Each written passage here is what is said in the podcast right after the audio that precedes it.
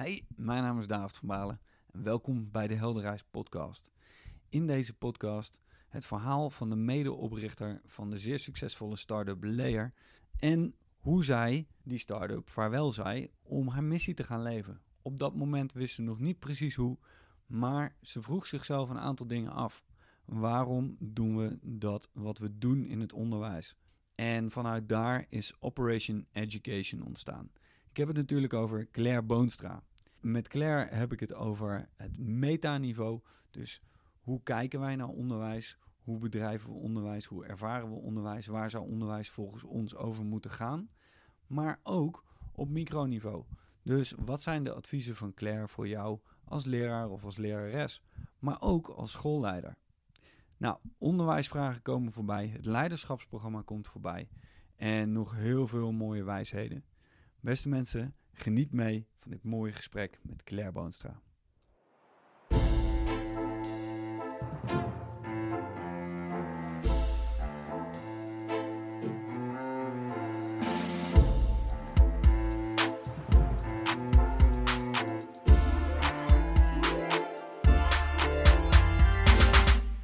Claire Boonstra, van harte welkom bij de Helderreis podcast. Daar zitten we dan. Nou, precies. Leuk. Ja, dankjewel uh, dat je tijd hebt uh, willen maken voor ons. Uh, ik zit hier aan een prachtige keukentafel.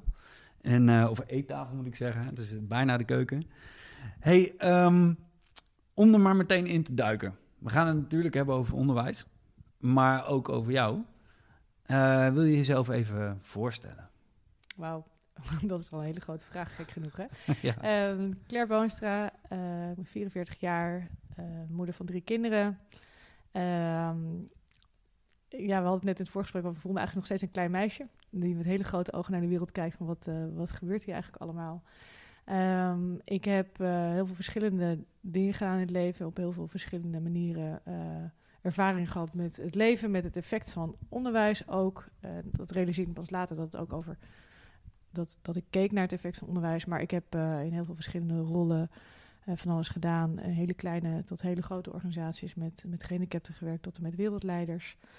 En in al die rollen me eigenlijk altijd best wel afgevraagd van... is dit nou logisch? klopt dat wat we hier doen? best wel ongemakkelijk gevoeld.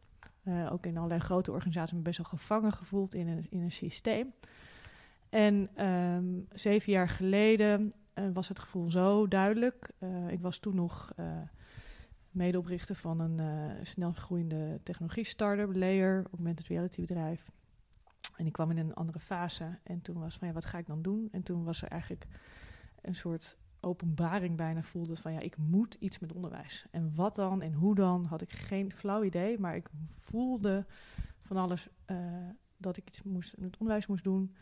En dat bleek later al veel eerder in mijn systeem te zitten. Ehm, maar ik ben toen, uh, uh, ik heb besloten om daar dat te volgen, uh, uit het bedrijf gestart, gestapt. En op een zeker moment had ik een podium om ehm, een verhaal te vertellen. En dat bleek achteraf precies het moment dat ik aan de buitenwereld mocht vertellen dat ik eerder die zomer had besloten om het bedrijf te verlaten. Wow. En toen heb ik ehm, voor het eerst publiekelijk mijn visie, mijn vragen, mijn, ja, mijn, mijn, mijn gevoel bij wat we in het onderwijs doen gedeeld. En emotioneel geworden op het podium. Dat was niet helemaal de bedoeling. Maar dat, uh, ja, Wanneer was dat? Dit was in september 2012. Bij de allereerste TEDx Amsterdam Education. En uh, toen zei ik letterlijk op het podium: I have to do this. En wat ik ga doen, weet ik nog niet precies. Um, ik zal waarschijnlijk wel weer iets gaan oprichten. Uh, maar ik zie een education development ecosystem vormen. En ik wil, I want to join forces, want er is al zoveel bedacht. En ehm, ja, en, en, uh, en, en, en hier ben ik just me. En ik zei, dat is best wel eng voor mij om dat te zeggen. Want ik was altijd Claire van een of ander groot iets. En nu, uh, ja, this is it just me. En toen eindigde mijn verhaal. En, uh, en in de, nou ja, minuten, uren, dagen, maanden, weken, jaren daarna is er, ja, zijn er gewoon echt duizenden mensen om afgekomen. Die zeiden, oh, ik ben geraakt. Um, Eindelijk iemand die hetzelfde denkt en voelt als ik. Want ik dacht dat ik de enige gek was alleen roepen in woestijn. Ja. En tot op de dag van vandaag blijft me dat verbazen. Um, dat er zoveel mensen zijn die voelen dat we iets te doen hebben, maar zich nog daar niet in gehoord of gekend uh, voelen, uh, zich alleen voelen daarin. Dus al vanaf dat moment is voor mij de vraag: hoe kunnen we dat allemaal bij elkaar brengen? En datgene wat we gezamenlijk zien, was wat ik als heel normaal, logisch iets vind. Dat we dat ook de, de nieuwe normaal kunnen laten zijn in de samenleving. En, en die mensen wilden koffie drinken. En daaruit is Operation Education ontstaan. En ja. dat is wat ik doe. Ja. Een lange introductie. nee, ja, mooi. Heel, heel, heel vet. Uh, Operation Education gaan we zo uitgebreid even induiken. Allereerst even jouw eigen ervaringen met onderwijs. Ja, weet je, daar kan ik heel lang over, over hebben. Maar ik, ik, uh, ik zat op een Europese school, wat al best wel een ander soort onderwijssysteem was. En mijn ouders me toen, denk ik, ook door ervaringen dat ik eerste jaar met traditioneel onderwijs heb gezeten, ook wel voelden we, er is iets anders nodig. En ehm, op de Europese school had ik al veel meer vakken dan anders. En, uh, Jouw ouders die voelden dat al aan? Ja, waarschijnlijk. En ook omdat mijn vader bij een Europese instelling werkte, was er ook wel ruimte om daar naartoe te gaan. Uh, was een soort van plekje gereserveerd. Dus ik had dan net een ander soort onderwijs dan traditioneel. Uh, dus ik heb geen CITO's gehad en geen traditioneel eindexamen en zo. Maar verder was de school wel traditioneel in de zin dat het jaarklassen waren met aparte vakken.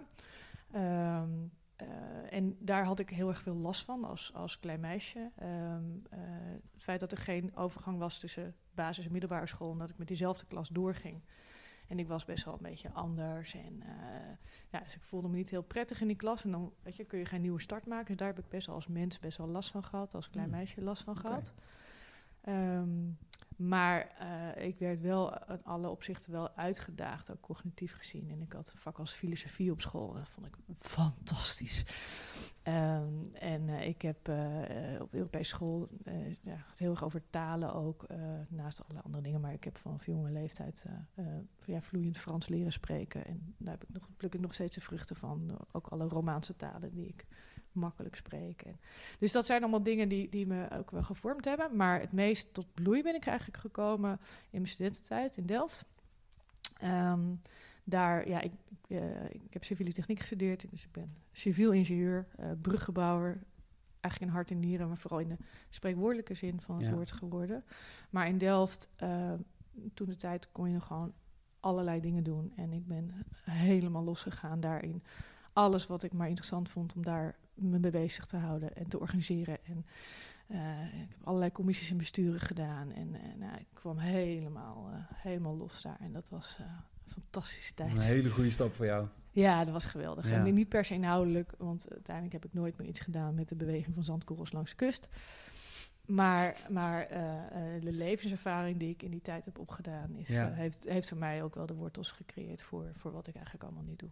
En de ruimte die je dus door het klimaat in Delft hebt ervaren om zelf allemaal dingen op te gaan zetten. Ja. En dat heeft je natuurlijk daarna ook verder geholpen. Absoluut. Gewoon de context was er naar om heel erg ondernemend te zijn en, en alles wat er. Kijk, er kwam zoveel op je pad. En, en ik greep alles wat ik me interessant vond, greep ik aan om daarmee aan de slag te gaan. En, en, uh, en daar ja, voor mezelf te experimenteren van wat, wat vind ik interessant en wat niet. En ja. ik ben zo'n sport als zweefvliegen gaan oppakken. En uh, cool. weet je wel, zweefvliegbestuur gevormd. En allemaal waanzinnige dingen gedaan. En, uh, dus het was heel erg mooi. En wat wel interessant om te vertellen is dat ik achteraf gezien al in mijn middelbare schooltijd en mijn studententijd al dingen schreef en speeches hield over precies waar ik nu mee bezig ben. Maar dat was totaal weggezakt. En dat heb ik oh. pas heel recent weer gerealiseerd. Ja, ik heb op mijn zeventiende... Nou, ik, ik, ik was... We zijn niet heel georganiseerd. Het lijkt hier vrij netjes nu, maar ik heb het even opgeruimd voor jouw komst. maar ik kom een vrij chaotisch uh, huishouden. En ik, ik, zit ook vrij chaotisch in elkaar. Maar uh, ergens vond ik een uh, map met opstellen terug vanuit mijn zesde of zevende klas middelbare school. Zeven klas middelbare school. En, um, en een van die opstellen, daar schreef ik... Um, letterlijk, uh, het, het opstel ging over de vele voorbeelden van kleine en grote mensen, jonge oude mensen, die, die uh, in mijn omgeving, waarover ik had gelezen, die ergens briljant in waren. Maar ze waren niet helemaal uh, rond ontwikkeld en daardoor vielen ze nu, niet op in het systeem, en ah, zeker niet het onderwijssysteem. En ik eindigde dat opstel met de volgende woorden. Het zou zo fijn zijn als ieder mens zodanig onderwijs zou kunnen krijgen dat hij zijn eigen grenzen kan bereiken. Misschien is dat in de toekomst ooit nog wel te verwezenlijken als er meer inzicht komt in de menselijke geest. Wow. 17 was ik. Maar nog, het wordt nog mooier. Ik kreeg een 7,5 van mijn docent. Niet? Ja, en het commentaar wat hij erbij schreef was... Een wat slappe conclusie. Zo'n vrome wens, gebaseerd op veel idealisme, maar met weinig realiteitszin. oh nee. Ja, maar het grappige is, ehm, deze docent was een van mijn lievelingsdocenten, een van mijn topdocenten. En ehm, lang leven sociale media. Ik heb hem opgezocht, inmiddels een aantal keer geweldige gesprekken met hem gehad. Ja, dat zal. En ook gewoon over de opbouw van de goede opstel, trek van logische conclusies, maar ook vooral over het zijn van de wereldverbeteraar. En ehm, hij, hij zag dat ik een bepaald niveau van, van commentaar en kritiek en, en verder nadenken aankon, uh, zei hij me later dus. En, um, en ja, ik moet zeggen dat het toen helemaal niet bijgebleven is, maar, maar uh, hij zag wel iets en hij, weet je, hij was ook uh, te neergeslagen door, weet je wel. Hij was ook in zijn hart vroeger, als ik hij vertelde, was dat hij als, als kind of als jong mannetje hartstikke links was en dat hij steeds meer afgegleden was naar rechts. Of ik weet het staat me bij dat dat wel vertelde in de lessen. Maar uh, dat hij ook een soort die realiteitszin. En, en ik realiseerde me, en dat heb ik de afgelopen jaren ervaren, dat ongeveer iedereen in het onderwijs diep in het hart iets, iets wil bijdragen aan de wereld via, via mensen, via kinderen.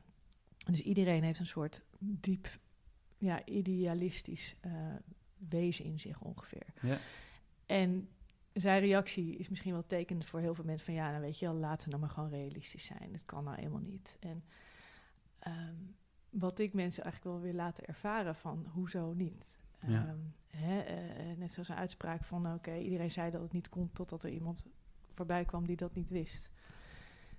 Ja. En, en dat vind ik zo mooi en wat ik nu doe. Dat, dat die, die, ja, weet je, dat, dat we met elkaar die nieuwe realiteit aan het creëren zijn. Op basis van wat we allemaal diep van binnen wel weten. Waar het eigenlijk over gaat of over zou moeten gaan. En dus dat, dat drijft me. En, mooi. Ja. Oh, dan ja.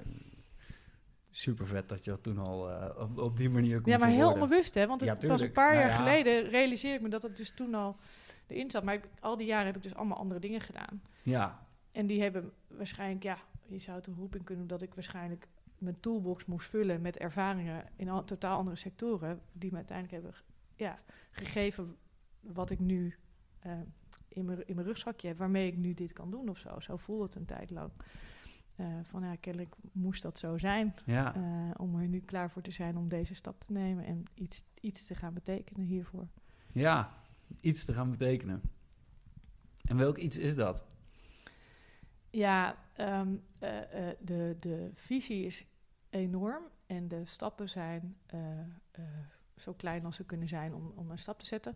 Wat we eigenlijk voor ons zien is dat we, ehm, wat we, waar, we, waar we naar streven is dat het onderwijs zo dienend is dat het, dat het bijdraagt aan het ontwikkelen van het welzijn van zowel individuen als de samenleving als de planeet dat, we, dat we met elkaar gewoon gelukkig worden. En dat het onderwijs gaat over leren ontdekken wie je bent, waar je voor staat, waar je naartoe wilt in het leven. Je unieke potentieel leren ontketenen. Samen het leven leren, samen leren leven. Uh, eigenaarschap leren nemen over je eigen leven en over de samenleving waarnaar we streven. Vrede, gelukkig, gezond en duurzaam. Dat is een beetje waar we, waar we naar kijken. En dat is natuurlijk mm -hmm. heel groot. Uh, en wat we doen is eigenlijk um, ik schetste eerder dat ik zo'n soort education development ecosystem voor me zag. Het was een TED ook in het Engels, dat vandaar de Engelse termen. Um, maar ik zie een enorm uh, groep, een steeds groter wordende groep mensen opstaan. Het zijn allemaal individuen, mensen, die uh, wel of niet in een hele grote organisatie werken. En soms zijn het leerkrachten, soms zijn het schoolleiders, bestuurders of leraaropleiders of anderen. Uh, maar we kijken voornamelijk naar de professionals die in het onderwijs staan, die zelf verantwoordelijkheid willen nemen voor de transformatie van het onderwijs. Die gewoon zeggen, ik, wij gaan het nu anders doen. En uh, dat zijn die mensen die, die reageerden van ik voel me zo alleen. Ja. Die, uh, en, en, en ons organigram zeg maar, ziet er soort uit als een lemniscaat. Dus ik teken nu een soort oneindige, zo'n liggende acht. Ja. En aan de ene kant heb je dat ecosysteem van mensen die verantwoordelijkheid willen nemen. En wij als stichting Operation Education zijn een non-profit, wij staan daarnaast. En wat wij doen is eigenlijk het voeden van die community, van het ecosysteem, uh, faciliteren in hun eigen transformatie als mens en hun organisatie. En die community eigenlijk dragen. Dus eigenlijk um, space holding, zeg maar de ruimte uh, creëren, infrastructuur creëren waarbinnen die mensen met elkaar dat proces kunnen aangaan en met elkaar kunnen uitwisselen en van elkaar kunnen leren. En dat is eigenlijk in het kort wat Operation Education eigenlijk uh, waarvoor wij bestaan, wat we doen. En als uh, tastbare activiteiten hebben we onder andere um, expeditie leiderschap. Uh, voor leiders in onderwijs en ontwikkeling. Um, en leiders van informeel leiders, teamleiders, schoolleiders, bestuurders. Mensen die een groep met professionals, hè, die daar verantwoordelijkheid voor dragen. Um, om hen te faciliteren in hun eigen transformatieproces, zodat ze kunnen gaan voorleven.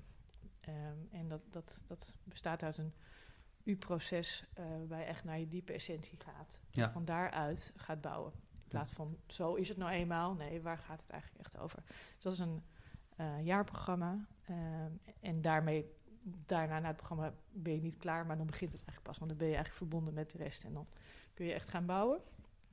We hebben um, als onderdeel van het proces zijn we op een gegeven moment heel veel vragen gaan stellen. Um, vooral vragen over wat is eigenlijk de bedoeling en waarom doen we het zo. Um, en dat, die waarom doen we het eigenlijk zo vragen, dat is het project Onderwijsvragen geworden. En wat we eigenlijk merkten is dat mensen een soort totaal, hè, blijkt onbewust, maar totaal uh, ja, heel simpel beeld hebben van onderwijs. Dat vindt nou eenmaal plaats in een schoolgebouw met klaslokalen. Ehm, er zijn vakken, uh, en, en, die vakken geven we les. Hè. Als leraar draag je de lesstof over, cognitief gericht. En dat doen we aan de hand van lesmethoden. En dan gaan we toetsen. En aan de hand van de toetsscoren uh, is er een gemiddelde. En delen we kinderen in een hoger versus lager. En we hebben alles gestandardiseerd. En er zijn lange zomervakanties. En dit is gewoon het plaatje wat, wat we met elkaar als, als gemeenschap zeg maar, delen. Want zo ziet onderwijs er nou eenmaal uit. Ja. En het is heel moeilijk om daar voorbij te gaan, want dan heb je het over de dingen die ik net zei, van waar het over zou moeten gaan. Uh, wat, mensen, wat niet alleen mijn antwoord is, maar wat eigenlijk het antwoord is wat mensen geven, zodat je er een beetje ruimte voor creëert. Um, maar dan zeg ik, ja, maar hoe moet ik dat dan doen in een klas met 32 kinderen? Want het is evident dat we een klas van 32 kinderen hebben. En wat we zijn gaan doen is dat gaan ontleden. Van, um, maar hoe is het eigenlijk zo gekomen dat we ja, uh, waar komt dit klassen met 32 kinderen hebben, ja. dat we lange zomervakanties hebben, dat we gemiddelde enzovoort. En uh, we zijn uh, in eerste instantie 25 van die vragen heel systematisch gaan ontleden. Allereerst de historie. Hoe is het zo gekomen? Um, super interessant, heel leerzaam om erachter te komen. Um, en wat, wat is er bekend in literatuur en onderzoek en de praktijk over de voor- en de nadelen? Wat weten we? Want we gaan er impliciet vanuit dat er heel goed over zo is nagedacht. Is dat zo? Wat, wat weten we erover? Um, en vervolgens alternatieven. Zijn er manier om het anders te doen. Nou, dat hebben we uh, als serie toen gedaan, een serie uh, podcast op uh, BNR Nieuwsradio. Um, dat was alweer drie jaar geleden inmiddels. En, um, en we waren zelf weer allemaal andere dingen gaan doen. Maar we merkten op een gegeven moment van ja, maar elk transformatieproces begint eigenlijk bij weer die vraag, maar waarom doen we het eigenlijk zo? Begint bij die waar, waarom en die waartoe vragen. Ja. Dus we moesten daar nog wat mee. En uh, toen voelde je, we moeten hier een boek van maken. Uh, dit moet een tastbaar bundeling iets zijn wat, wat we kunnen neerleggen, waar je, waar je toe kan verhouden. Ja, naslagwerk. Echt een naslagwerk, ja. wat, wat meer is dan alleen een boek, maar meer een gedachtegoed wat, wat, wat uh, nou ja, letterlijk soort van tot leven kan komen in een iets wat je vast kunt houden. En toen hebben we afgelopen zomer een boek geschreven, het onderwijsvragenboek. En dat is in oktober uitgekomen. En uh, vandaag morgen gaat de tweede druk uh, oh, naar de drukker. Dus dat is heel ja, cool. Gefeliciteerd.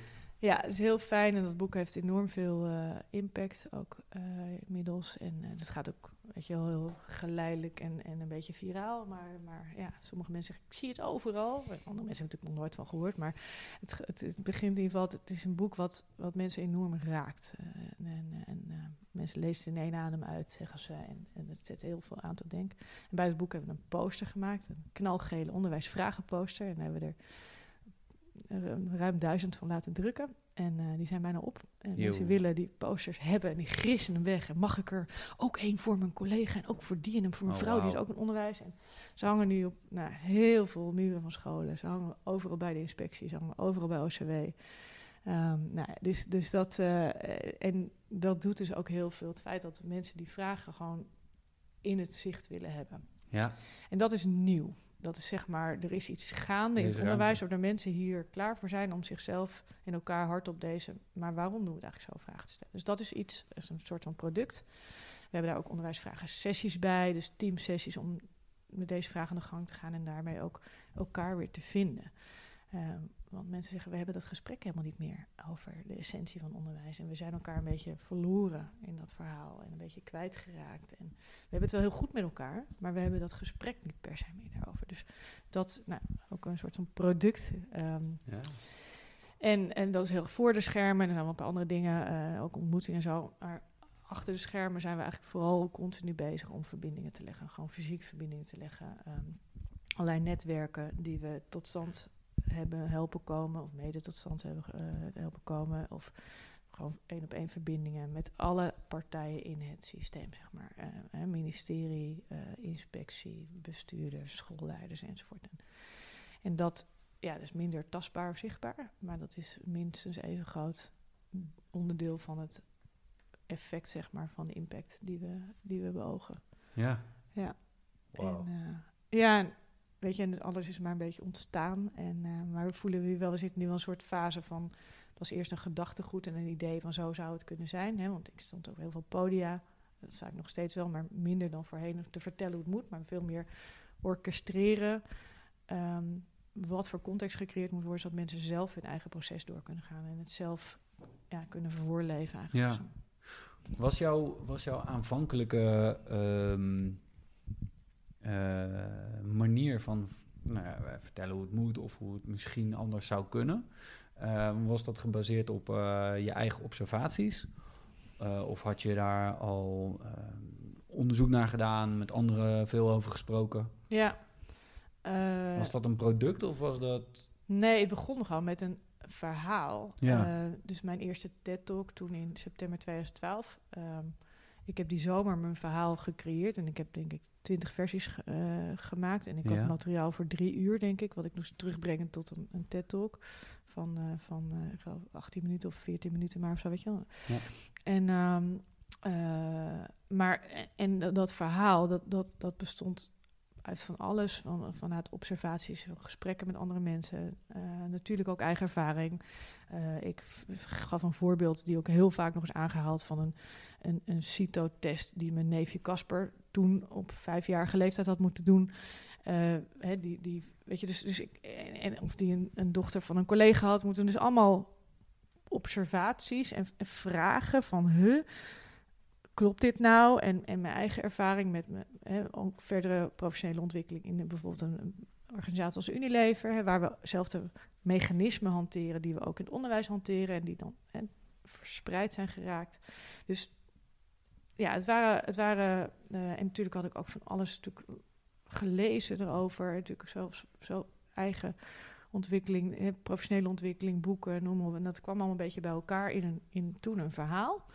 En dat verhaal is zich steeds verder ontwikkeld. En uh, wat ik wel merk is, in het begin was het echt een beetje een soort van uh, revolutie. Um, het moet echt anders. Ja, op de barricades. Ja, echt wel op de barricades inderdaad. Van zien jullie dan niet dat? En, en wat zijn we toch stom bezig? En hoe kan het zo zijn dat? En dat is wel enorm veranderd naar, hè, dat was echt mijn eigen verbazing van hoe, hoe is dit mogelijk?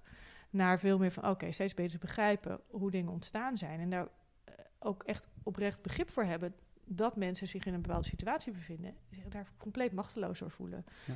Ehm, en, en gewoon erkennen dat, dat we een systeem met z'n allen hebben gecreëerd wat niet met opzet uh, uh, zo is gecreëerd of, of slecht is geworden. Maar het doet momenteel wel mensen tekort.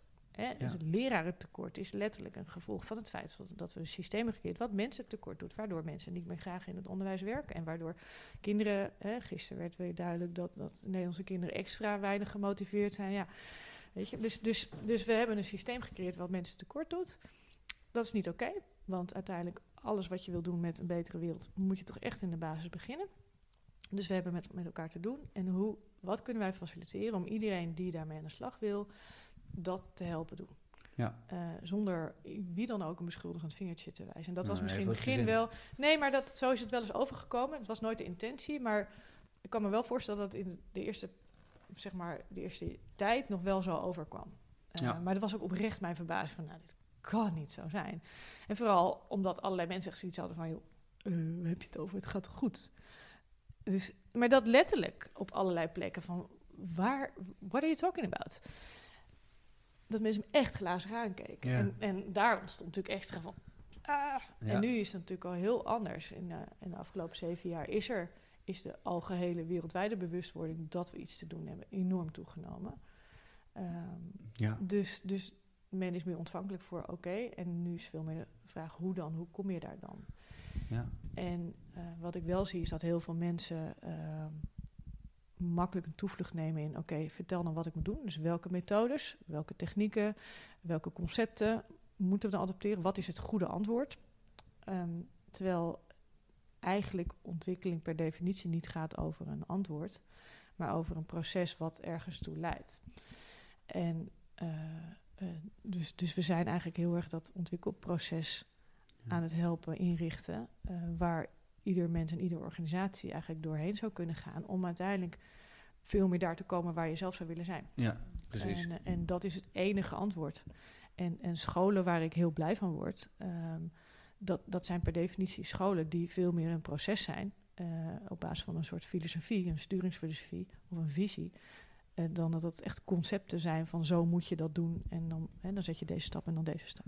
Ja, oké. Okay. Um, ehm, als we dan toch even gaan kijken naar, want je hebt het nu eigenlijk over, oké, okay, dit zijn de uh, richtlijnen die we min of meer belangrijk vinden. Hè? Nou, niet, niet min of meer, meer die ja. we belangrijk vinden. Ja. Uh, het einddoel uh, weten we niet, maar we weten wel ongeveer de kaders. we zouden graag in die richting gaan bewegen. Ja. Als we dan kijken naar het huidige systeem, mm -hmm.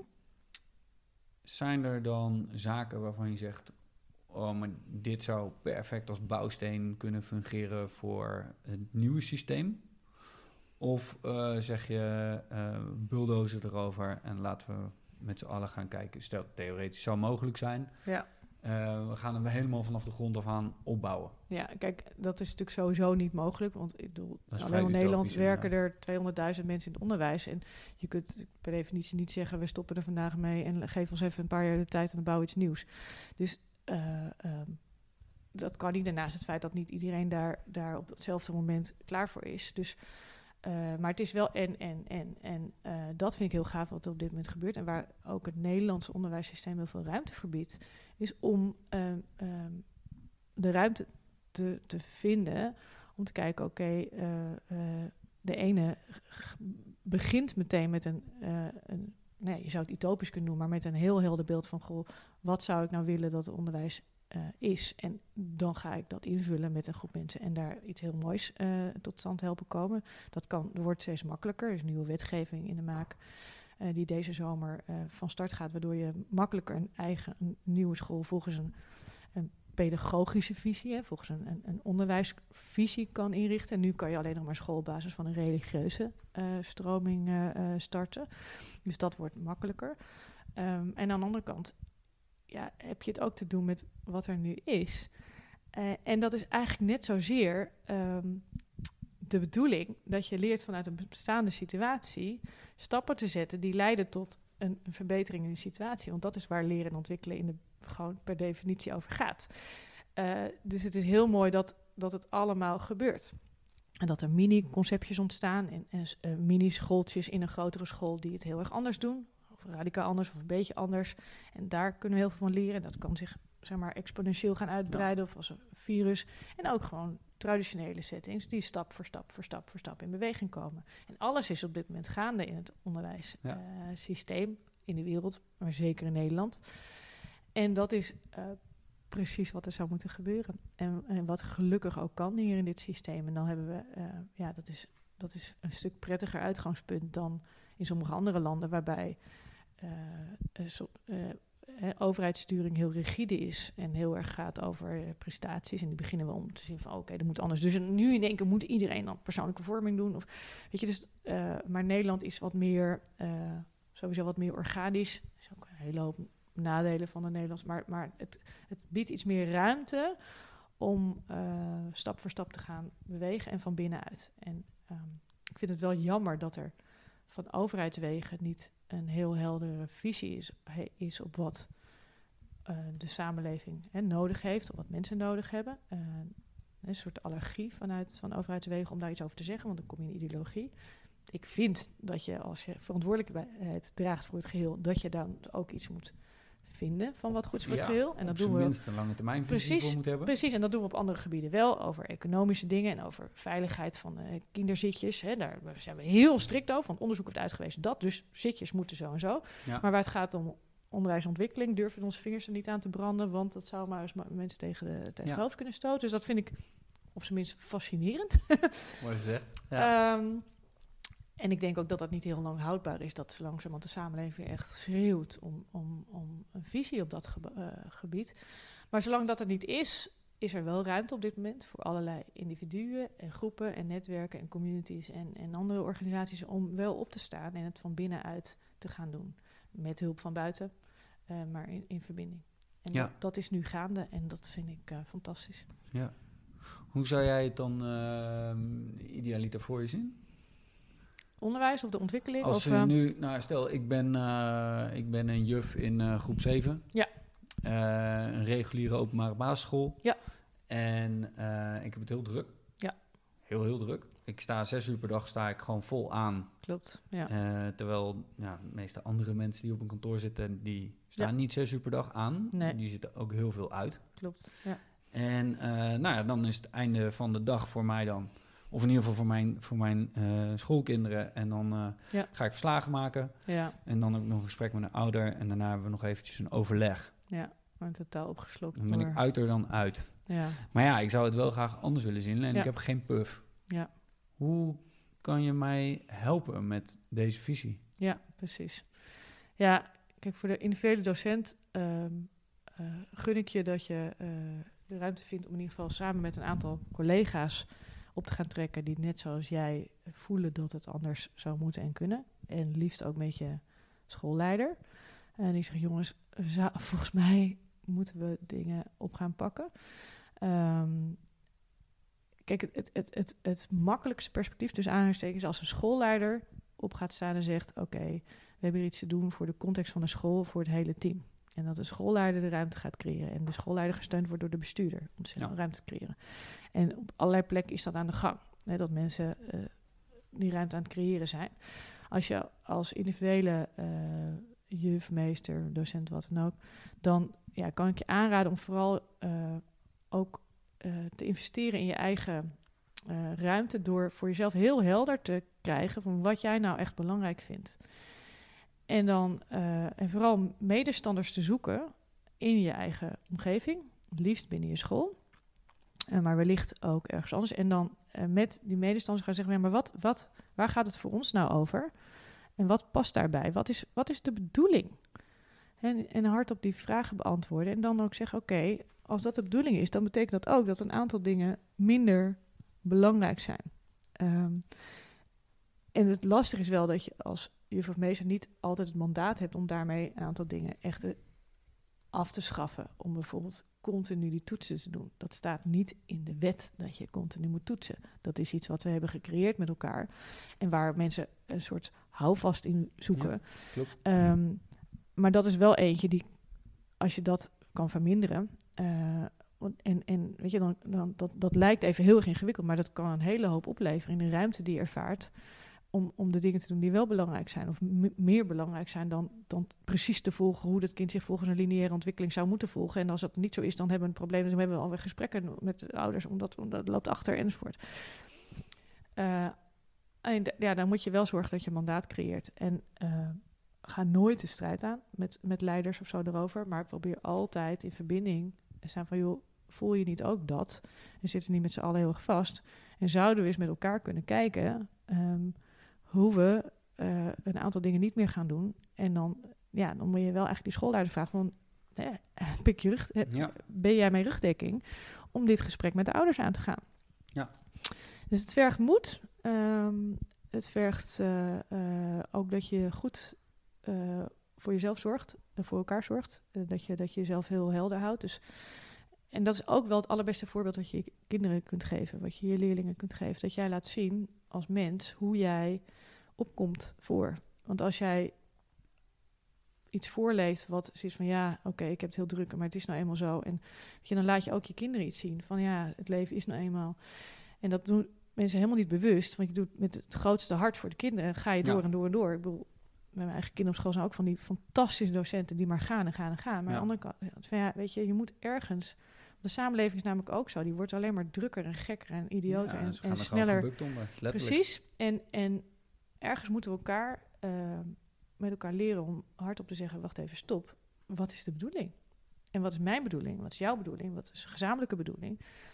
En als, als het niet meer de bedoeling is dat we elkaar helemaal gek maken met al die toetsen en, en, en hoge-laag indeling en oh, je loopt een klein beetje achter, dus is er meteen een probleem.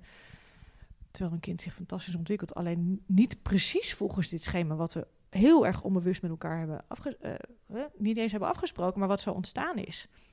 Ja, weet je, dan laten we dan op een gegeven moment ermee stoppen. En nogmaals, als individuele leerkracht vergt dat, is dat echt best wel ingewikkeld. Als je die context niet vindt in je huidige school, ja, ik durf bijna niet te zeggen, maar ga dan alsjeblieft op zoek naar een school waar dat wel gehoord wordt, waar je dat wel kunt doen. Ik denk dat je jezelf en daarmee de samenleving plezier doet om te gaan werken in een context waar je en jij meer tot bloei kan komen. En geloof me, er zijn scholen, er zijn allerlei scholen die dolgraag dit soort leerkrachten aan zouden willen nemen. Maar zij hebben zelf ook het gevoel dat ze niet weten waar ze die moeten vinden. Want iedereen is zo vastgeroest in het systeem. Dus iedereen houdt elkaar een beetje in stand. Dus alsjeblieft, kom voor jezelf op.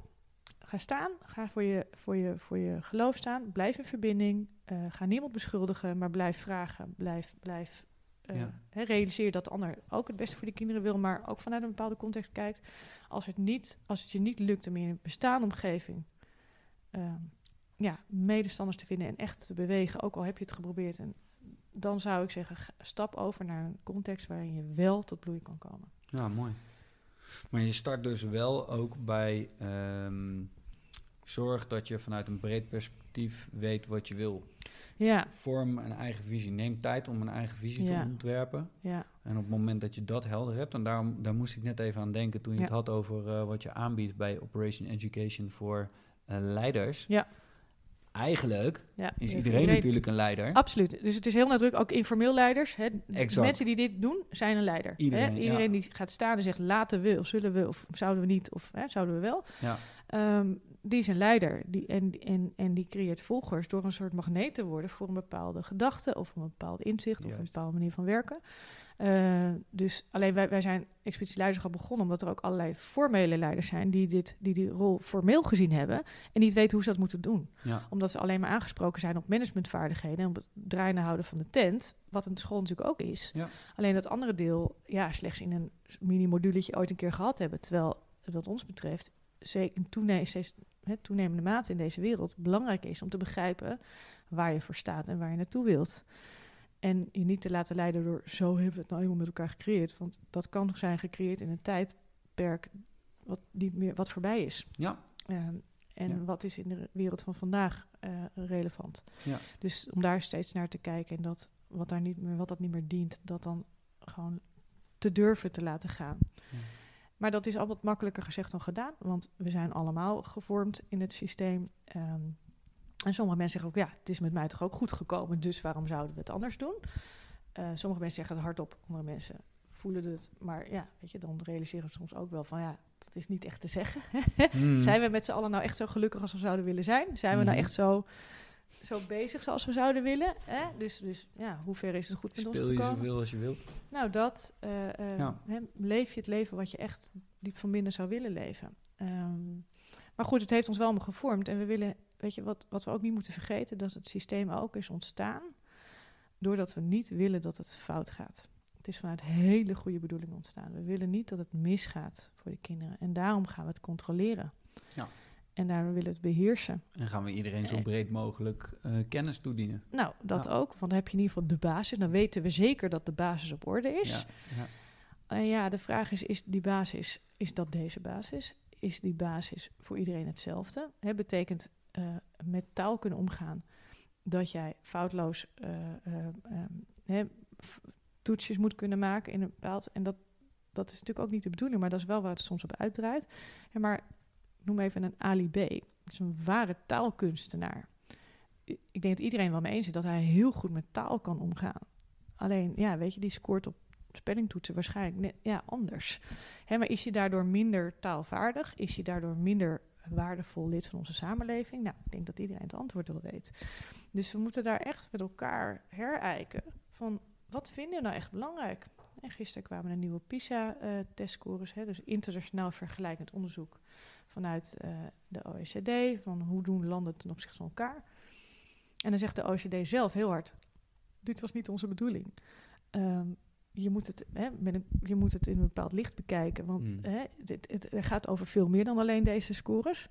Maar dit is niet zoals het gebruikt wordt. Hè, er is weer groot alarm geslagen, want uh, taal en rekenen gaat naar beneden. denk ik, ja, oké. Okay. Um, als dat te wijd is aan, aan, aan een systeem wat niet um, voordelig is voor, voor ontwikkeling, weet je, dan, ja, dan heb je daar wat mee te doen. Maar aan de andere kant was dit de bedoeling is, is, is nou het goed scoren op taal en rekenen het allerbelangrijkste om te meten? Zijn landen die het hoogst in PISA staan ook het best uh, om de vrede te bewaren, om mensenrechten te bewaken? Om, uh, uh, zijn die het best voor onze planeet? Wat voor gemeenschap wil je? Ja. En, en, en, weet je, en daar zegt PISA niet zoveel over. Nee. Dus, en ik zeg niet dat het fout is, um, maar ik zeg wel dat we met elkaar hardop die vraag moeten stellen van wat is nou de bedoeling? Ja. En mensen raken soms heel geïrriteerd over mijn vraag de bedoeling. Maar ja, weet je, dat is wel uiteindelijk het enige, dat is soms een heel filosofische vraag. En anderzijds een heel uh, uh, gewoon praktische vraag. Ja, ja. Uh, op basis waarvan je gaat toetsen van oké, wat gaan we dus wel en niet doen? Want anders waak je elkaar helemaal gek. En we moeten natuurlijk ook niet vergeten dat het onderwijs um, enorm is getransformeerd. Ook de manier waarop onderwijs inrichten en kunnen inrichten. Omdat tot niet heel erg lang geleden was er geen andere manier om efficiënt kennis en informatie over te dragen dan via de alwetende leraar, die gesteund door boeken en methodes al die informatie kon overbrengen. Ja. Uh, alleen nu heb je niet per se die leraar meer nodig om überhaupt informatie uh, efficiënt overgedragen te krijgen. Hè. We weten allemaal dat, dat de, de informatie in principe uh, in elke handpan te vinden is. Um, dus daarvoor heb je het niet meer per se nodig. Maar we weten allemaal wel dat een mens, uh, een mens die iets overdraagt, uh, wel van onschatbare waarde is. Uh, alleen de functie van een leraar kan natuurlijk veranderen van iemand die vertelt hoe het zit en kennis overdraagt naar iemand die aanreikt en, en, stimuleert en zegt: Kijk, heb je daar al aan gedacht? Heb je daar? Want dat kan een robot niet. Nee. Hè, terwijl kennis overdragen zou in principe een robot kunnen doen. Um, als het puur om, om hè, dat is niet meer nodig. Dat kan ook een YouTube-filmpje. Maar die menselijke factor, en datgene wat niet te automatiseren is, niet weg te programmeren is, dat is hetgeen wat het aller, allerbelangrijkste wordt in de komende decennia. Ja. Um, dus, dus, dat, dus we hebben ook het beroep van leraar te herijken. En um, ik kan me ook voorstellen dat je als leraar, als je luistert, dat, je, dat dat misschien ook wel je ongemak is. Van ja, wie ben ik nog? Want als het je identiteit is geworden, van ik ben leraar Duits of ik ben uh, juf op basisschool of andersom, weet je dan. En, en, en dat leraar zijn bestaat, is gaan bestaan uit lessen overdragen. Ja, dan is de vraag: is dat, geef je dat nou echt voldoening uh, om puur de lessen van de methode over te dragen? Of geeft je veel meer voldoening om die kinderen een volgende stap te helpen zetten. En daar gaat het meestal over. En heb je dan de ruimte om dat te doen? Of voel je je gedwongen om de methode te volgen? Want anders dan. En, hè, en, en probeer eens na te gaan of dat zo is. Ja, of als durf je, je überhaupt te de-identificeren? Precies, precies. En, en ben je niet veel meer uh, mens dan alleen maar degene die de kennis over dat vak overdraagt? Exact. Ja. ja, en dan weet iedereen ook wel het antwoord. Alleen hoe kunnen we weer die ruimte daarvoor vinden, voor dat menselijke, voor al die andere aspecten die je ook bent. Die, je, die je uniek en bijzonder maakt en, en een voorbeeldfunctie laat zijn voor die kinderen. Ja. Stel, ik ben schoolleider. Ja. Middelbare school. En um, ik bied uh, vier verschillende leerniveaus, zoals we dat nog noemen, helaas uh, bied ik aan. Bijvoorbeeld VMBO, uh, ja. niveaus en dan uh, HAVO, VWO. Ja. ja. En uh, ik, ik zie dit gebeuren. Ik zie dat mijn klas zit bomvol. Ja. 30 tot 32 leerlingen per klas. we hebben ook nog klassikaal gewoon klassen waar deuren dicht zitten. waar ga ik starten? Mooie vraag. Ja, ehm, het grappige is, ik zie, vind dit een veel makkelijker vraag dan de vorige. Ehm, zeker als je boel vol zit, dan heb je dus de ruimte, dan, moet je iets, iets verzinnen. Hè? Want misschien dat de, dat de fysieke ruimte niet meer toestaat om gewoon nog een klas aan te bouwen enzovoort. Ehm, en, en hopelijk, als je hier naar luistert, dan ligt je visie wel in lijn met we moeten iets doen. Hoezo zouden die kinderen nog in die niveaus, in die silo's indelen op basis van een CITO-score en komen ze daar misschien niet meer uit? En theoretisch wel, met de praktijk niet. En hoezo zou het nog die aparte vakken doen, terwijl die kinderen zo met hun identiteitsontwikkeling bezig zijn in deze levensfase. Uh, ik zei het al eerder, ik ben ontzettend gecharmeerd van het Agora-concept. Um, Agora is een, um, veel meer een filosofie. Um, die gaat over het tot ontwikkeling komen van jouzelf in relatie tot anderen, in relatie tot de samenleving.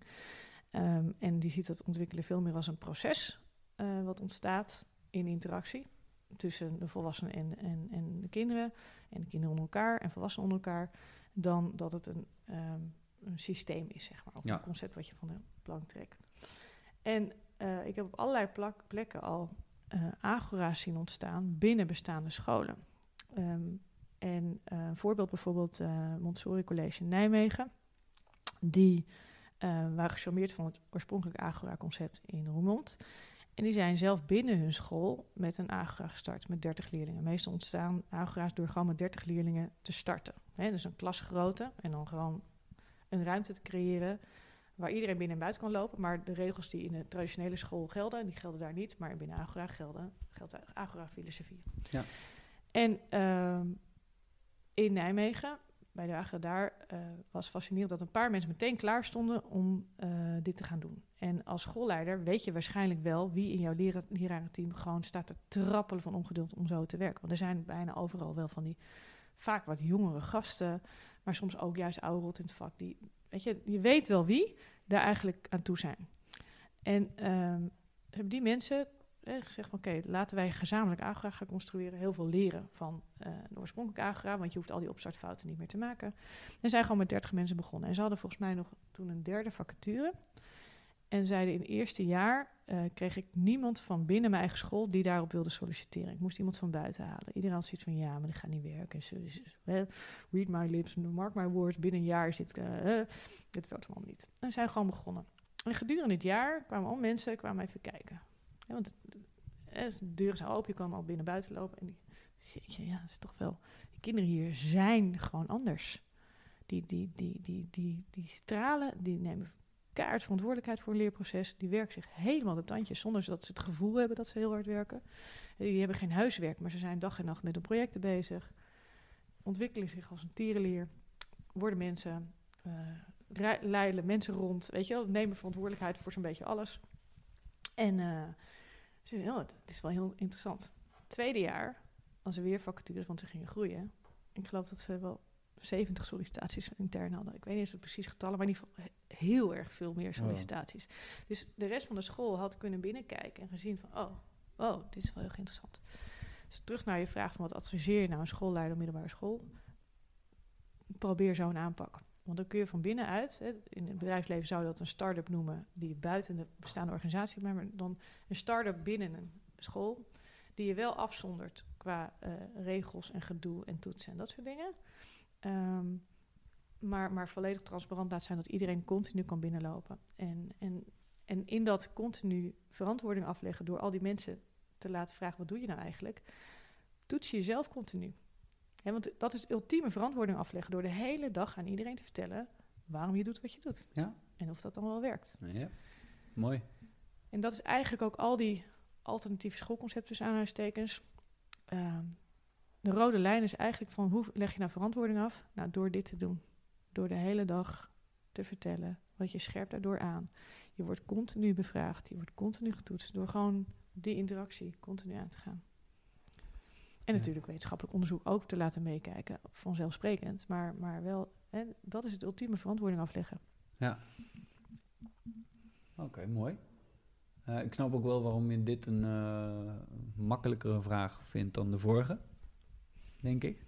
Ja, omdat je ook de vorige is heel erg op persoonlijk niveau en de tweede is meer organisatorisch niveau. Ja, precies. En, maar, dan nog, ehm, ook op persoonlijk niveau is het niet makkelijk voor de mensen die dit aangaan. Nee, precies. Want je wordt continu bevraagd door iedereen van ja, maar ben je nou gek, uh, gek geworden? Dat werkt toch niet? Die kinderen die, die zitten de hele dag en niks te doen. Hoezo? Hoe weet je nou dat ze zich ontwikkelen? En dus als mens moet je ook super stevig staan. Maar alleen puur het feit dat je als leider, als schoolleider het mandaat hebt, gewoon officieel de verantwoordelijke streep op je schouders hebt, om ehm, zo'n stap te zetten, is het makkelijker.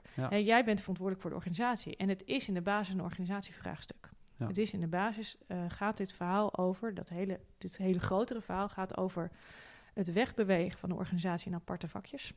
Aparte leerjaar, aparte vakken, aparte niveaus, apart, weet je wel, leeftijden, alles, alles apart, apart, apart, apart. Naar een organisatie die er veel meer uitziet als een ecosysteem. Als een community. It takes a village to raise a child. En agora-achtige concepten, en het hoeft niet agora te heten, of weet je, maar dergelijke uh, initiatieven, die organiseren zichzelf als ecosystemen. Die roepen de hele buitenwereld erbij om te zeggen, oké, hoe gaan we het aanpakken? Want de kinderen van binnen, die hebben vragen die over de wereld gaan. Ja. En die kennis is niet per se in huis. Nee. Uh, dus dan moet je wel de buitenwereld inroepen van oké, kent iemand misschien nog een hersenchirurg, want mijn leerling heeft een vraag over dat en dat. Nou, ga maar met hem praten en daar heb je relevante kennis. Exact. En heen en weer. Ja. En, uh, en, en, en ja, weet je, dat, dat is het gave. En wat ik nog verder over Agora wil opmerken, is dat ik wel heel fascinerend vind hoe dus ook de buitenwereld er nog over praten. Maar je zegt van het lijkt makkelijk, maar het is in de basis best moeilijk. Want je, uh, we zijn dit nog niet gewend. Ja. En bijvoorbeeld vorig jaar was het fascinerend dat uh, de eerste grote lichting uh, eindexamenkandidaten eh, eindexamen deed. En het jaar daarvoor waren er zes en nu waren er zestig, geloof ik. En we zijn gewend om het resultaat van een school af te meten aan het slagingspercentage. En Agora had met die 60 een slagingspercentage van slechts twee derde. Ja. En geen 99 procent. Dus een aantal, niet nader te noemen, uh, uh, media, die zeiden, zie je nou wel, na, na, na, na, na letterlijk. Ja, dat heb ik ook gewoon gehoord van individuen hoor. Precies, zie je nou wel, slechte school. Maar als je hoort wat daaronder zit, is dat, uh, en ze hebben daar ook wel van geleerd, zeggen ze hoor, doordat, um, maar, maar ze blijven bij een principe staan. Ze zeggen van ja, wij hebben kinderen de kans gegeven om eindexamen te doen, die op een andere school nooit de kans hadden gekregen om überhaupt eindexamen te doen. Laat staan op het hogere niveau dan, waar ze, dan waarop ze waren ingestroomd. Er zijn er meerdere kandidaten die ehm, met een VMBO-advies binnenkwamen, maar zeiden ik wil eigenlijk HAVO doen. Nou, ga maar HAVO doen. En binnen de nominale HAVO-termijn HAVO-eindexamen zijn gaan doen. Terwijl ze daar normaal, stapeling, hè, een jaar extra voor hadden gekregen. En zei ik wil eindexamen doen. Zei ze gewoon, nou, go for it. Doe je ding, wat heb je nodig? Precies. En ze hebben die eerste keer net niet gehaald. Ja, en de, de, buitenwereld zegt, zie je nou wel, ze, zijn, ze hebben gefaald. En die school zegt, wat een waanzinnige leerervaring hebben ze opgedaan. We hebben ze de kans gegeven, we hebben ze het vertrouwen gegeven. Jij kan dit. En je weet 100% zeker dat ze het volgend jaar wel halen. Nou, dat had een traditionele setting waarschijnlijk niet kunnen beloven. Ja. En, en sowieso veel meer opstroom, geen afstroom. Weet je, dus als je kijkt op het perspectief van de samenleving, dan is deze school buitengewoon succesvol. En natuurlijk met alle opstartproblemen van dien enzovoort. Natuurlijk, vanzelfsprekend. Maar hè, als je kijkt, wat, wat vinden we nou met elkaar belangrijk over kansengelijkheid uh, en dat soort dingen. En iedereen in ieder geval, ja, dan, dan weet ik wel waarvoor ik kies.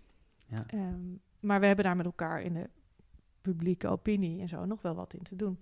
Maar ook daar is het beeld heel aan het kantelen. Er zijn al acht agora's en er komen er nog nou ja, heel veel bij de komende jaren. Dus uh, het is ook daarmee ook wel iets wat, uh, wat we voelen van ja, we zijn hier aan toe. Ja, mooi. Er begint wat te gebeuren. Heel veel. Er is heel veel te gebeuren. Ja.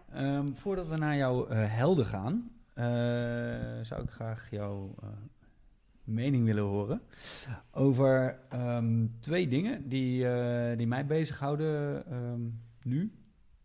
Toetsing en pakketkeuze.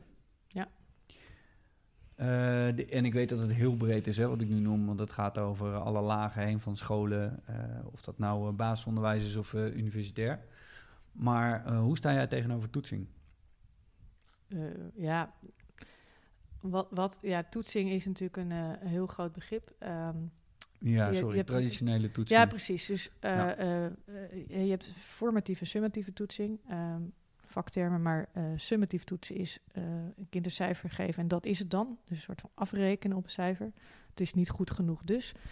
En formatief toetsen is veel meer um, van oké, ik toets om te zien of het aangekomen is. En zo niet, dan weet ik wat ik te doen heb om het, om, om het aanvullend enzovoort. Nou, de eerste vorm van toetsen, ehm, ja, weet je, dan denk ik, waar zijn we mee bezig? Hoe, hoezo zou het, de, het probleem van het kind zijn dat iets niet is aangekomen? Ehm, weet je, en dat hij daarop afgerekend wordt van jij bent dus een 4 of dus een 6 of jij hebt een bepaalde CITO-score, dus jij valt in het vakje lager en jij valt in, dus in het vakje hoger.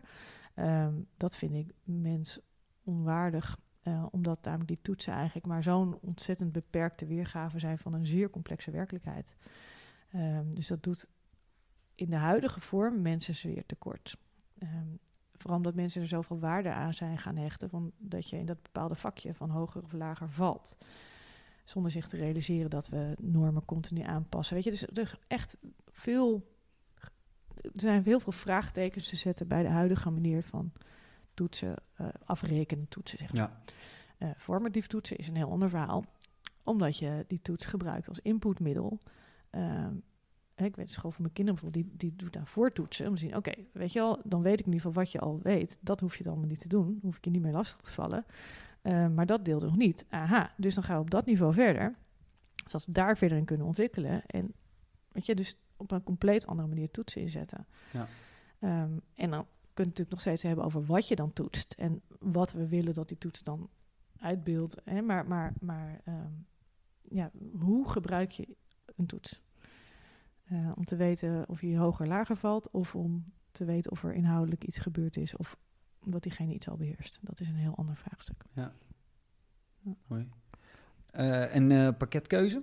Ja, je moet profielen. Ja. ja. Ja, daar ben ik. ik, ik ik heb gelukkig dat zelf niet hoeven hebben. Ik kon, kon nou, niet helemaal vrijelijk kiezen, maar ik had heel veel vakken sowieso. Um, ik, ik, ben zelf iemand die heel veel verschillende dingen heeft gedaan in het leven. En altijd gevoeld dat het een heel goed iets is om heel veel ervaring op te doen. Ik heb zelf ervaren dat ik um, ervaring van ene sector of ene vak, ene vakgebied heel erg goed kon inzetten in het andere. En er is recent een boek uitgekomen, redelijk recent, Range heet het, van David Epstein. Een andere Epstein dan die steeds in nieuws was. Um, en die onderbouwt dit eigenlijk allemaal. Die, die laat eigenlijk zien dat we... Um, uh, we, we, vertellen allemaal elkaar het verhaal van... Uh, hij noemt het voorbeeld van de ene kant Tiger Woods... die op zijn tweede al een golf prodigy was. Hij als jong jochie al briljant kon golfen. En dat verhaal, en die is op jonge leeftijd. En dus... Um, naast het verhaal van Roger Federer, de tennisser die eerst heel verschillende sporten heeft gedaan en pas op latere leeftijd uiteindelijk voor tennis heeft gekozen. En zeggen we, we vertellen de Tiger Woods verhalen, maar de realiteit van succes is veel meer Roger Federer verhaal. Dat eigenlijk de, de meeste succesvolle mensen pas op latere leeftijd succesvol zijn geworden. En dankzij beter begrijpen wat bij je past. En sterker nog, er is ontzettend veel uh, onderbouwing inmiddels, bewijs Um, dat, dat uh, als je heel veel verschillende dingen doet, verhoog je daarmee je match quality. Um, en kruisbestuiving van de ene naar de andere sector verhoogt eigenlijk altijd uh, de succesfactor, innovatiekracht enzovoort. Dus ik vind het een uh, bijzonder goed idee om uh, kinderen op alle leeftijden de kans te geven om heel veel verschillende dingen uit te proberen. En, en we hebben onze nationale held Robert Dijkgraaf die enerzijds kunstenaar is en anderzijds onze beste, een van onze beste, beste wetenschappers. En hij laat ook al zien dat hij dat alleen maar kan zijn omdat hij allebei in zich heeft. En het feit dat we die paden nu afsluiten, of in ieder geval heel moeilijk maken om te combineren, vind ik, ja, vind ik daarmee doen we ook mensen tekort. Ja. Dus uh, ik denk dat het een van de makkelijker dingen is om op een gegeven moment af te schaffen waar het gaat om wet en regelgeving. Ja, En op een gegeven moment in de slipstream waarvan ook het eindexamen, om dat op zijn minst heel erg anders te gaan inrichten. Ja, ja om, om echt heel erg goed met elkaar te bekijken van ja, maar wat was ook weer echt belangrijk om te leren? Of waartoe leiden we eigenlijk op? Ja, dus doe meer. Feitelijk, uh, doe meer ervaring op. Ja, vergroot je wereld. Precies, ervaring op om daarmee je, je, je match quality uh, te verhogen. Wat past bij jou? Ja. Jij als mens met jouw unieke levenservaring, met jouw unieke talenten, met hoe je in het leven staat, wat jou motiveert. Uh, ga de dingen ervaren die bij jou passen, om daarmee veel meer uh, van waarde te kunnen zijn voor datgene wat je belangrijk vindt. En ja, weet je, dat, dat kun je eigenlijk bijna per definitie alleen maar doen door heel veel verschillende ervaringen op te doen. En, natuurlijk zijn er nog altijd de mensen die op heel jonge leeftijd al weten, ik, hè, wat wil je laten worden? En dat uiteindelijk zijn geworden. Terwijl dat eigenlijk is dat natuurlijk een vrij idiote vraag. Um, niet alleen bij mijzelf uh, had ik natuurlijk nooit kunnen vermoeden op jonge leeftijd dat ik dit zou gaan doen. Uh, dat was onvoorspelbaar geweest. Maar overgrote meerderheid van de mensen zit zo in elkaar of is het uiteindelijk zo gelopen. En, ja. ja. plus, uh, als ik het je nu zou vragen, wat, wat, wil je laten worden, Claire? Ja, gelukkig. een echte Claire. Uh, helder, uh, licht en blij. En uh, dus ja, weet je, er is, ik kan op geen enkele manier beschrijven wat ik zou doen over een aantal jaar. Um, ik hoop dat ik zal blijven doen wat me interesseert, maar dat, daar heb ik mijn leven al redelijk op ingericht. Ja. Um, maar ja, weet je, het, is een vraag die denk ik niet heel goed te beantwoorden is. Maar ik denk wel de vraag relevant is om te zeggen van, joh, wat interesseert je? Waarvan ga je aan? Ja. Uh, waar, waarvoor, waar, waarmee vergeet je de tijd? Waar, kom je bed vooruit? Ja, precies. Dat zijn de relevante vragen. Wat motiveert je? Hè, wat doe je goed, maar ook wat doe je graag? En uh, ik vertel op het podium vaak over uh, Ikigai. Ja. En dat concept ken je waarschijnlijk. Okinawa, hè? Ja, precies. Uh, in ieder geval de, uh, op Okinawa. En het schijnt, het schijnt dat het verhaal niet helemaal klopt. Maar in ieder geval, het boek beschrijft het zo. En ik vind dat een mooi verhaal. Dat de allerlangslevende mensen wonen op het Japanse eiland Okinawa. Er wonen allemaal mensen die meer dan 100 jaar oud zijn. En die zijn nog helemaal actief in het leven. En die leven hun ikigai. Naast alle andere gezonde dingen leven een ikigai. En ikigai is het kruispunt van aan de ene kant hetgene wat je goed kan aan de andere kant wat je graag doet, maar aan de andere kant ook waar de, waar de samenleving behoefte aan heeft en waarin je een inkomen kunt voorzien, waarmee je geld kunt verdienen. En kruispunt van die vier dingen, dat die sweet spot, dat is je ja. ikigai. Ja. Uh, ja, dat, dat, dat is nog niet uh, onjuist gebleken, laat ik het zo zeggen. Nee, nee, zeker niet. Uh, gun het iedereen dat ze een ikigai vinden. En, ja. en ook als je dat nog niet vindt, weet je, wees er dan op zijn minst mee bezig. Wees, wees, er naartoe op weg en neem stappen om er steeds meer te komen. Kijk, je bent er nooit. Dat is ook het hele idee van dat we tegen jongen, sommige kinderen zeggen, nou, die komt er wel. Maar wat is er dan? Ja, waar is dat? Ja. Ja. Dus je bent er nooit. En elke keer dat je denkt, nou, nu ben ik ergens doorheen gegaan, doorbraak bereikt, nou, dan komt er weer een nieuw laag. Je denkt, oh ja, gewoon next level, zeg maar. Ja, precies. Net als in een game. Ja, ja. inderdaad. Oké, ah, heel mooi. Uh, dankjewel. Mag ik met jou even naar uh, jouw helden? Ja. Vertel. Nou, meest top of mind is, uh, is mijn grootmoeder. Uh, Alvire Spier. Ik heb hier ergens een foto van haar staan van haar overlijdensbericht. Ze is al twintig jaar geleden overleden. Uh, mijn grootmoeder is opgegroeid in vier verschillende geloven, religies. Um, en is op Java geboren. Ehm, ingewikkelde tijd. en zij is op een gegeven moment met een onderzeedienstman uh, getrouwd. En uh, heeft mijn moeder gekregen in de oorlog, ook op Java. Ja. En nou, het is altijd heel ingewikkeld geweest, haar leven, heel complex. Maar zij is altijd in het beste van mensen blijven geloven. En, um, en altijd het beste in mensen gezien. Hoewel ze heel veel aanleiding had om dat niet te hebben. En zij heeft, uh, op een gegeven moment kon ze niet meer naar school, maar zij was volledig autodidact. Um, heeft altijd intense interesse gehad in alles in haar leven. En uh, toen ik op een gegeven moment in Venezuela was, uh, toen ik een, een aanlegstijger aan het bouwen was. Uh, toen, uh, nou, allemaal mensen die hadden weinig interesse, maar van ja, wat wil je doen met? En zij bleef maar doorvragen van wat doe je daar? En leg het uit. En kon haar de meest complexe gronddynamica uitleggen. Uh, en ze bleef maar vragen, vragen, vragen. En ik moest, ze wilde weten hoe het klonk en, en hoe zien de ogen van Simon Bolivar eruit en hoe staat de maan. En ze was auteur ook. En nou, zij is echt een van mijn belangrijkste helden. Om, uh, zij was ook al heel, ja, altijd al met, met uh, een betere wereld bezig. Ja. Zij had het al in de jaren 70, 80 over de gletsjers die smelten, uh, zure regen, over dat we elkaar niet meer vinden in de samenleving. Um, en dus zij was al echt een wereldverbeteraar, ja. al, al, lang geleden. En ja, ik denk nog vaak aan haar. Ja, dat geloof ik. Mooi zeg. De tijd ook echt ver vooruit wat dat betreft. Extreem ver vooruit. Ja. Zo. Ja. Bijzonder. Heel bijzonder. En ik ben blij dat ik dit met droge ogen kan vertellen. Ja. Want ik er zo lang zo vaak gewist dat ik echt heel emotioneel werd om alleen over haar te vertellen. Maar ze, uh, heel ja, krachtig iemand. Extreem krachtig. Ja. Ja. En, uh, en een groot voorbeeld voor mij om, uh, om haar gewoon ja, in gedachten dicht bij me te hebben. En ja. Hoe mooi. Ja. Maar dan hoef ik bijna niet te vragen naar volgende helden, toch? Nou, weet je, er zijn... Oh, ik, ik voel me zo rijk met zoveel geweldige mensen om me heen. En ik heb zoveel... Ik ontmoet continu de meest fantastische mensen. En uh, de wereld zit zo vol met geweldige mensen. En dat, dat, dat... Weet je, dat zit niet in per se wereldleiders of zo. Het zijn, of een popsterren. Er zitten... Ah, nou ja, weet je, ik, ik, ik voel me gezegend met, met een grote groep mensen die. Uh, vooral het zijn bijna wel allemaal mensen die, die, die um, ook bezig zijn met er ook het beste van maken en, en de wereld een beetje uh, mooier maken. En, en we zijn met zoveel zo langzamerhand. En, en er zijn zoveel gave mensen op deze wereld. Dus, uh, en in het onderwijs zie ik zoveel gave mensen. Zo met hart en ziel. En, en ja, weet je, de echte helden zijn eigenlijk denk ik wel de mensen die in het onderwijs werken. Want er is geen beroep op aarde wat meer impact heeft op het leven van mensen. En daarmee op de samenleving, daarmee op de wereld, uh, dan mensen in het onderwijs werken.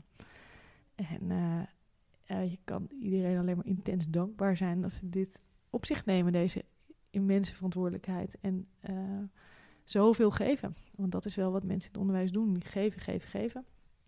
En uh, ja, ik zou eens wel willen meegeven.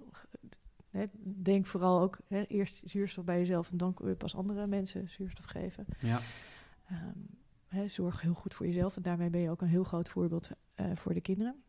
Um, en goed voor jezelf zorgen is, is, is niet in de materiële zin van het woord, maar dat begrijpen de meeste mensen natuurlijk wel. Maar voor jezelf als mens. En, en uh, zorg ook goed voor jezelf door jezelf ook heel waardevol te voelen. Uh, en, en de samenleving maakt dat niet altijd even makkelijk. Want ja, weet je, er zijn mensen die letterlijk zeiden, ik kon niks anders, dus daarom ben ik maar het onderwijs ingegaan. Dat heb ik mensen echt wel eens hardop horen zeggen. En ik, ja, dat vind ik heel verdrietig om te horen dat je je zo voelt. Terwijl het kennelijk hele goede docenten waren. Hoe kun je je zo voelen? Uh, dus ik hoop dat we met elkaar, dat mensen dat zelf gaan voelen, hoe belangrijk ze zijn. En dat we dat met elkaar als samenleving steeds meer gaan voelen. Nou, ik voel daar een hele grote omwenteling. En dat zie je ook tot uiting komen in hoe de stakingen ondersteund worden. Dat mensen echt gaan zien van, ja, oh, wacht even. ja. Dit kan niet waar zijn. Ja. Uh, dus dat is gelukkig gaande. Maar uh, ja, mensen in het onderwijs zijn de echte grote helden. Mooi woorden, Claire. Dan ga ik denk ik niks meer aan toevoegen. Ja. Zullen we hiermee afsluiten? Dat is goed. Dank Dan voor mag ik jou heel erg bedanken voor je tijd. Dank jou voor het interview. Het is fijn gesprek. om te doen. Dank je.